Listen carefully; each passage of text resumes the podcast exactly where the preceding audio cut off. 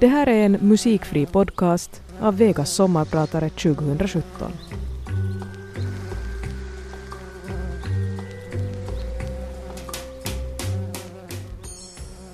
När jag kommer hem efter uppdraget i konfliktområden vill jag sitta ensam i vardagsrummet, lyssna på klassisk musik och läsa dikter.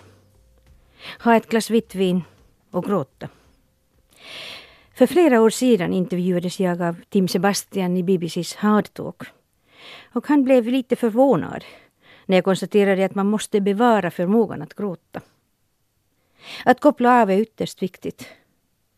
Hur kan jag gå vidare och leva med smärtsamma minnen av grymheter som ett arv från arbetet på krigshärjade områden? Hur kan jag lära mig att både minnas och glömma? Ta fram det onda i ljuset och sedan gå vidare med mitt liv. Jag heter Helena Ranta och jag är din sommarpratare idag. Mitt arbete som rättsmedicinsk expert har tagit mig till flera kontinenter. Till Peru, Colombien, Libyen, Kamerun, Irak, Nepal, Tjetjenien, Bosnien-Hercegovina, Kosovo och nyligen till Eritrea och Afghanistan.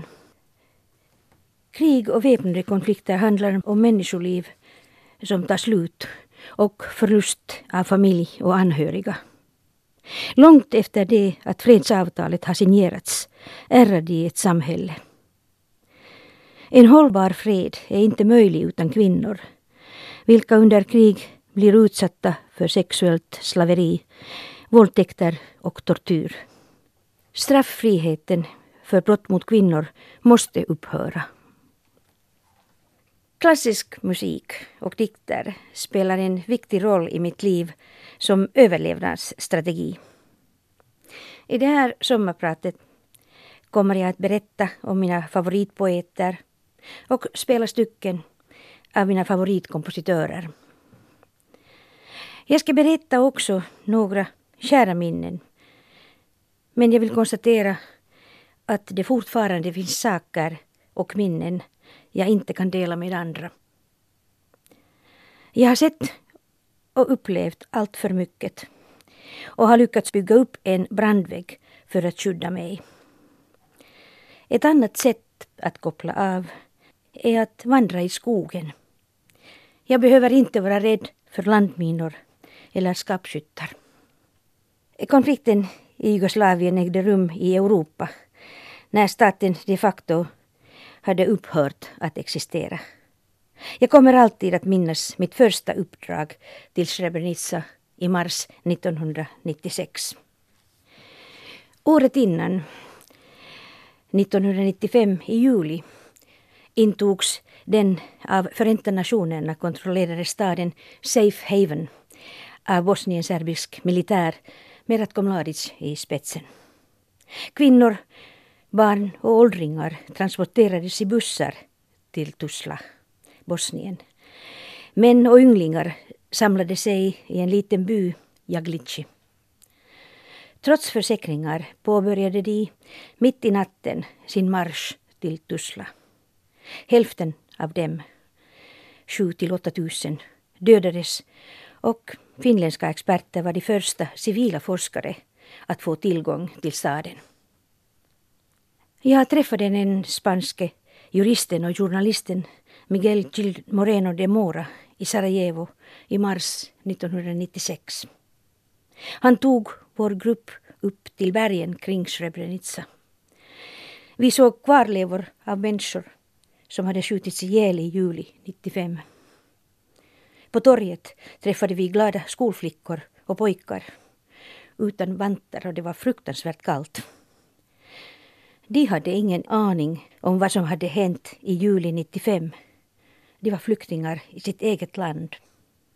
Deras hem hade förstörts i Sarajevo och familjerna hade flyttats till Srebrenica. Jag tog ett foto och en av flickorna vågade be mig att skicka det åt henne. Till vilken adress frågade den dumma utlänningen. I mitten av ruiner har ingen adress. Lite senare kom stadens borgmästare för att hälsa på oss. Min tolk sade viskande. Han har blod på sina händer. Jag hade skakat hand med ondskan. Jag kan inte minnas hans ansikte. Vägrade hans inbjudan att dricka kaffe och ville bara köra bort. Tyvärr kan jag inte tala eller läsa ryska. Men Anna Ahmatovas självbiografiska dikt Requiem finns på flera språk. Inte under fjärran himmel, inte i skydd av främmande vingar, utan här med mitt folk var jag varje olycksdag. Under Jesu regimens värsta år stod jag 17 månader i fängelseköer i Leningrad. En gång hände det att någon i kön kände igen mig. Då vaknade kvinnan som stod bakom mig ur den vala som vi alla befann oss i. Hon hade förstås aldrig hört mitt namn och hennes blå läppar pressade fram en viskning. Där talade vi alla i viskande. Och detta. Kan ni beskriva detta? Jag sade, det kan jag. Då gled något som liknade ett leende över det som en gång varit hennes ansikte. Mot slutet av 1920-talet i det sovjetiska Ryssland blev konst allt omöjligare som tidsdokument. Anna Ahmatova själv hade belagts med tryckförbud och förbud att framträda offentligt med sina dikter. Hennes vänner och diktarbröder försvann den ena efter den andra. Men hon stod kvar som samtidsvittne. Lydia Tjukovskaja och Anna förenades i en gemensam sorg. Lydias man Mikael och Annas son Lev arresterades. I sin dagbok skrev Lydia i januari 1940. Vi talade länge om Requiem i Mozart och Salieri. Ahmatova hade visat henne hela diktcykeln nedskriven för att försäkra sig om att Lydia minns dikterna. När hon nickat jakande brändes dikterna i kakelugnen. Lydia blev den som bar dikterna fram till den tid då de kunde tecknas ner. Livet i Leningrad under Stalins terror på 1930-talet kan jämföras med de tragiska händelserna på Balkan. Annas son Lev var i fängelse. Hon visste var han befann sig. Men jag tänker på de arma kvinnorna i Ayacucho i Peru som inte hade någon aning om sina söners eller mäns öde efter terrorn under åren 1980-2000. Jag hade ett möte med dem tillsammans med justitieministeriets specialåklagare. Han föreslog att jag skulle tala med kvinnorna utan hans närvaro. Mitt svar var definitivt nej.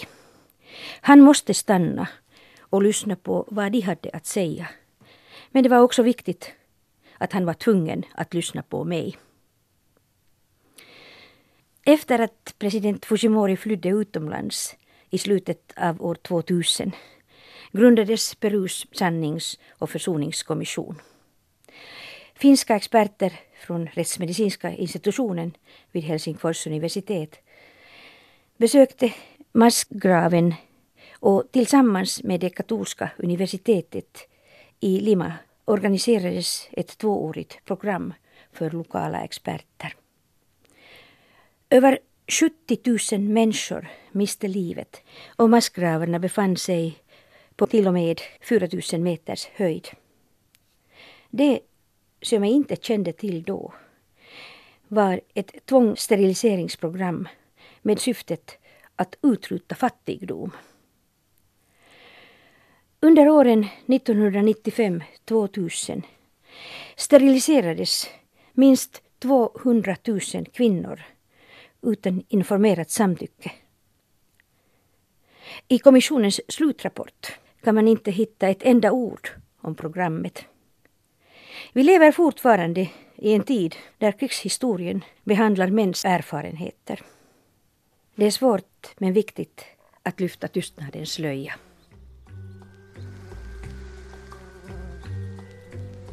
Dmitrij Sostakovitj är en av 1900-talets främsta symfoniker. Hans liv präglades av kommunismen. Han blev mycket uppskattad och hårt kritiserad både i sitt hemland och utomlands. I februari 1948 attackerades flera tonsättare, bland dem Aram Hachaturian, Sergej Prokofjev och Sjostakovitj. Och partiet upprättade ett register över förbjudna verk. Överraskande nog uttalade han aldrig offentlig kritik mot regimen. Efter Stalins död blev kulturell mångfald åter accepterad inom vissa gränser. I mitt arbete måste jag upprätthålla den vetenskapliga gemenskapens professionella normer och etiska regler och begränsa mina slutledningar enbart till mitt specialområde. Att dra några som helst politiska slutsatser eller att antyda några implikationer hör aldrig hemma i min professionella sfär. Att kommentera frågor som till exempel vilka förövarna var, vilken sida i konflikten de representerade eller varför vissa offer avrättades faller inte inom min behörighet. Enbart rättsmedicinska bevis kan aldrig avgöra frågor om ansvar och skuld. Dessa slutledningar överlämnas åt vederbörande rättsliga instanser att manglas fram genom rättvisa och opartiska rättegångar efter avslutade brottsundersökningar. Jag har upplevt förtryck i flera sammanhang. Men detta faktum måste erkännas av den stora allmänheten, medierna, det internationella samfundet, politikerna, diplomaterna och juristerna. Moraliska och politiska bedömningar är inte baserade på vetenskaplig sakkunskap. Det är mina privata åsikter och bör förstås som sådana. Jag är inte beredd att kommentera undersökningar och denna princip i förhållningsreglerna bör följaktligen respekteras av ovannämnda aktörer. Vårt team består av rättsläkarna, rättstandläkarna, antropologer, rättsgenetiker, geologer, arkeologer, röntgentekniker och polismän. Sammansättningen och arbetsmetoderna beror på många olika faktorer. Tid, jordkvaliteten, antal offer, nationella lagstiftningen och så vidare. Vad vi undersöker är hur civilpersonerna behandlas i konfliktområden. Vi tar fram fakta om brott mot mänskliga rättigheter och grymheter. Den tyske kompositören Kurt Weill har sagt det finns ingen skillnad mellan seriös musik och populärmusik. Det finns bara bra musik och dålig musik. Samarbete mellan honom och Bertolt Brecht varade i tre år, 1927 1930. Kanske det mest kända verket från denna tid är Tolvskillingsoperan som uruppfördes i Berlin i augusti 1928 och blev en succé. Weil skrev oftast musik till kvinnor, framför allt till hustrun Lotte Lenja. De gifte sig år 1926 och efter skilsmässan 1933 gifte de om sig 1937. Septembersång från år 1938 karaktäriseras av 30-talets sorg och pessimism. En metafor om tiden från födsel till döden. Weil flydde först till Frankrike och vidare till Amerika 1935. Han ville assimilera sig och bli accepterad som amerikan.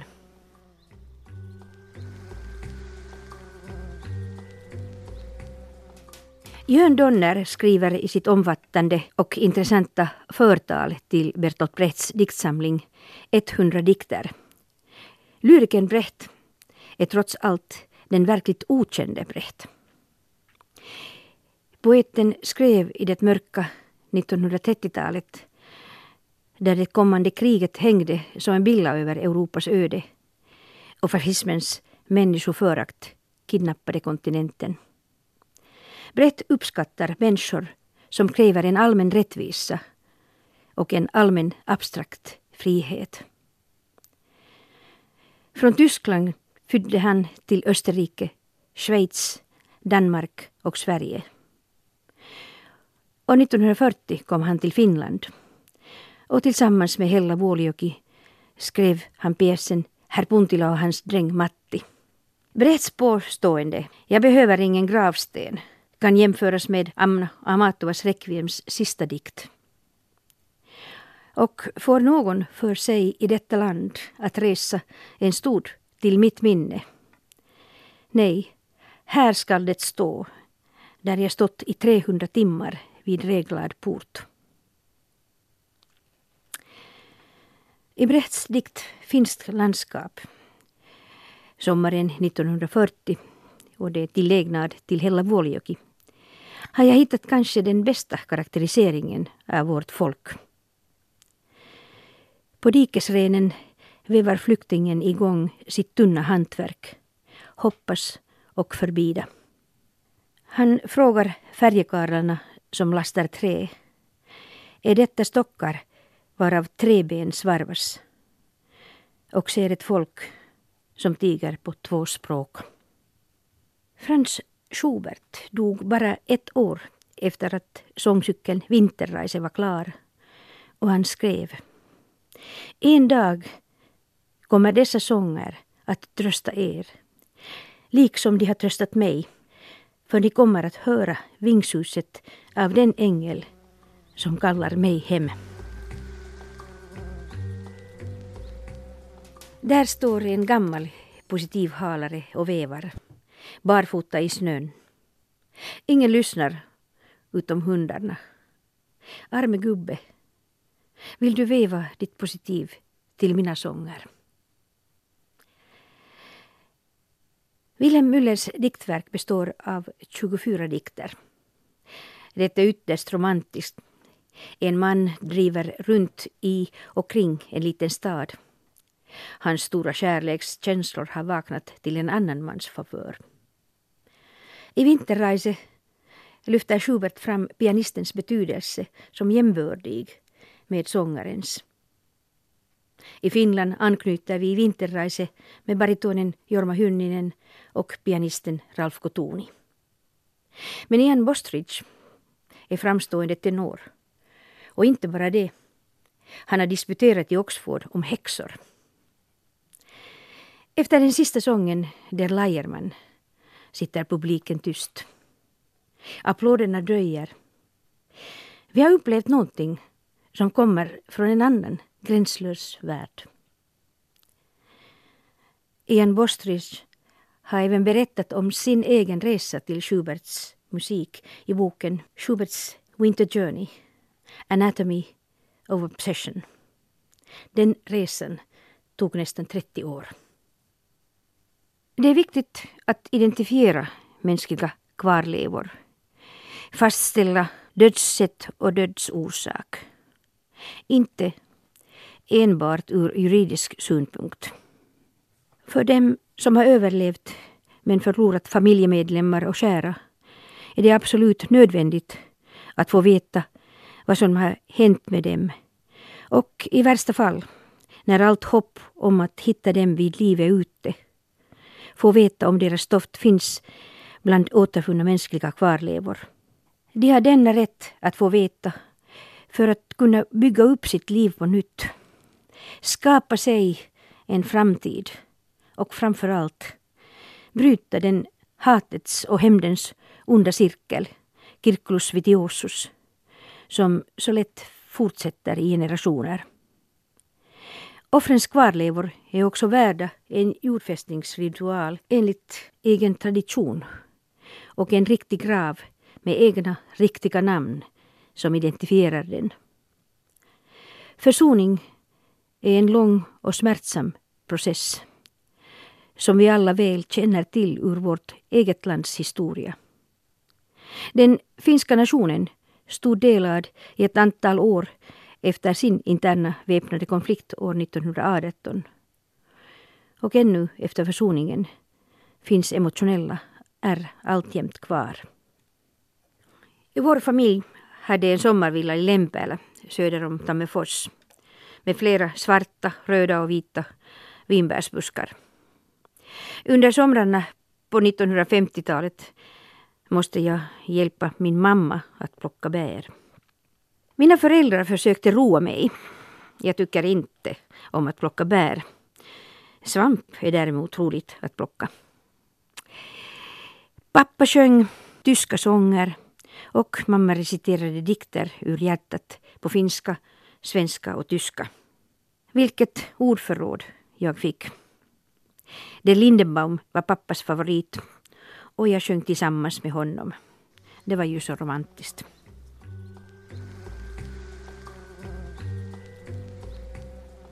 En god vän till mig, Nick de Groot, gav sin nyaste CD till mig i Kuhmo med låtar av Brahms, Gubaidulina och Hindemith. När jag lyssnar på Brahms sonat läser jag Bokarpelans dikter från samlingen År som löv. Jag minns våra diskussioner och jag vill dela med dig en episod. I Mirja Pykös TV-program Kuvat, jotka muuttivat maailmaa hade jag ett svartvitt foto av Ansel Adams från 1930-talet. Ansiktet av en gammal kvinna med djupa fårar vittnar om hårt liv. Men samtidigt har hon också funnit fred. Jag tänkte omedelbart på en dikt. Jag antog att Bo hade skrivit den med orden tystnad som en spindelväv av drömmar. Jag ringde honom och hans fru svarade. Bo, kom strax. Det är Helena Randa som ringer. Han lovade återkomma och ringde senare mig. Det är inte min dikt. På fredagskvällen körde jag till Åminefors. Gick till bokhyllan och plockade fram diktsamlingen År som löv. Jag hade rätt. Steg som fjärmas. Tystnad som en spindelväv av drömmar. I tomma rum har alltid någon funnits och ändrat allt. Jag ringde honom på måndag och han var kanske lite irriterad. Du känner mina dikter bättre än jag själv.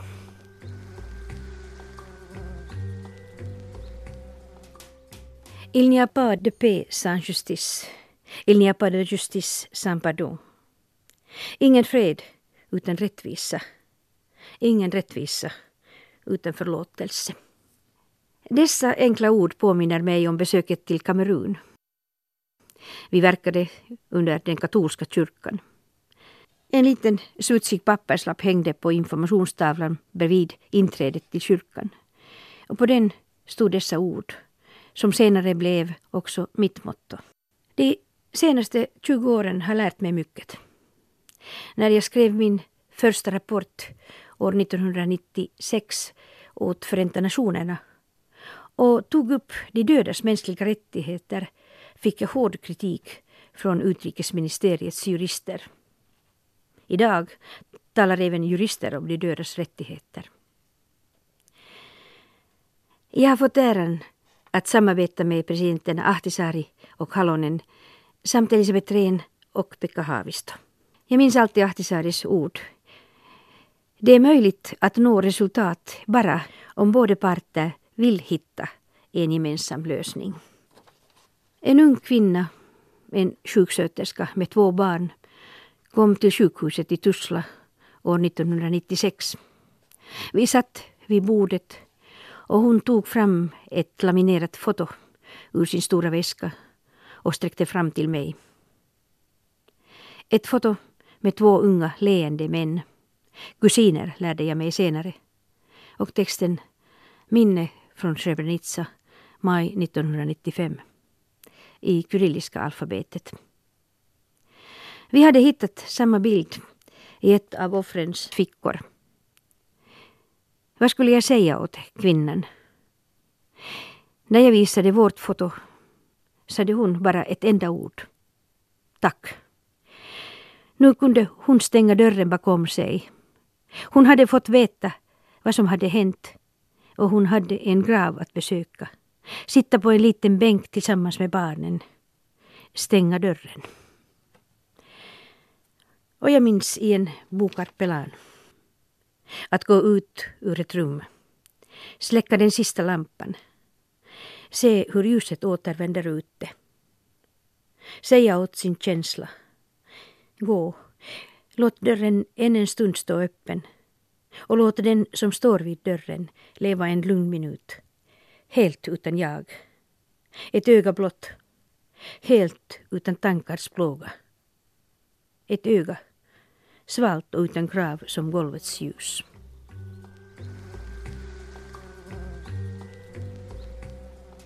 Vi hörde Cristobal de Morales stycke Officium defunctorum.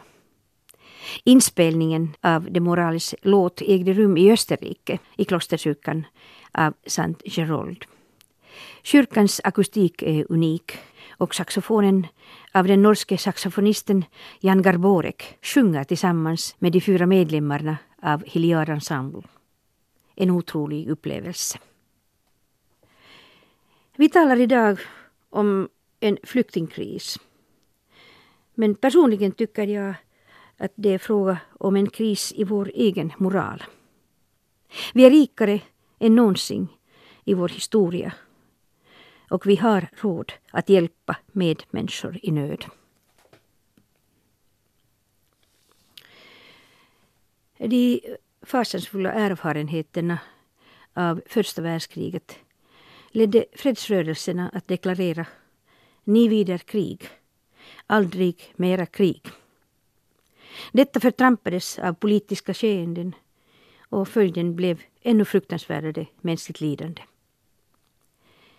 På minnesstenen över ett koncentrationsläger har två enkla ord inristats. Ni vider.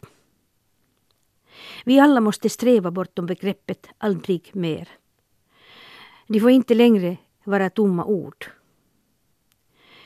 Allt hopp till trots har det internationella samfundet och vi som individer återigen fått bevittna våldsupptrappning med påföljande mänskligt lidande för civilpersoner i Europa och andra världsdelar. Vi har inte lärt oss av våra tidigare erfarenheter. Likväl har vi all anledning att hoppas att det slutligen kommer att råda fred. Vi får aldrig tro att förintelsen inte kan hända igen. Folkmord är aldrig en slump. De händer därför att det finns människor som vill dem, människor som genomför dem och människor som låter dem ske. Tystnaden talar sitt språk. Att inte ingripa är medbrottslighet.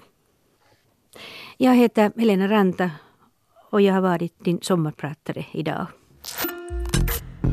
Yle Vega. Det här är Yle Vega.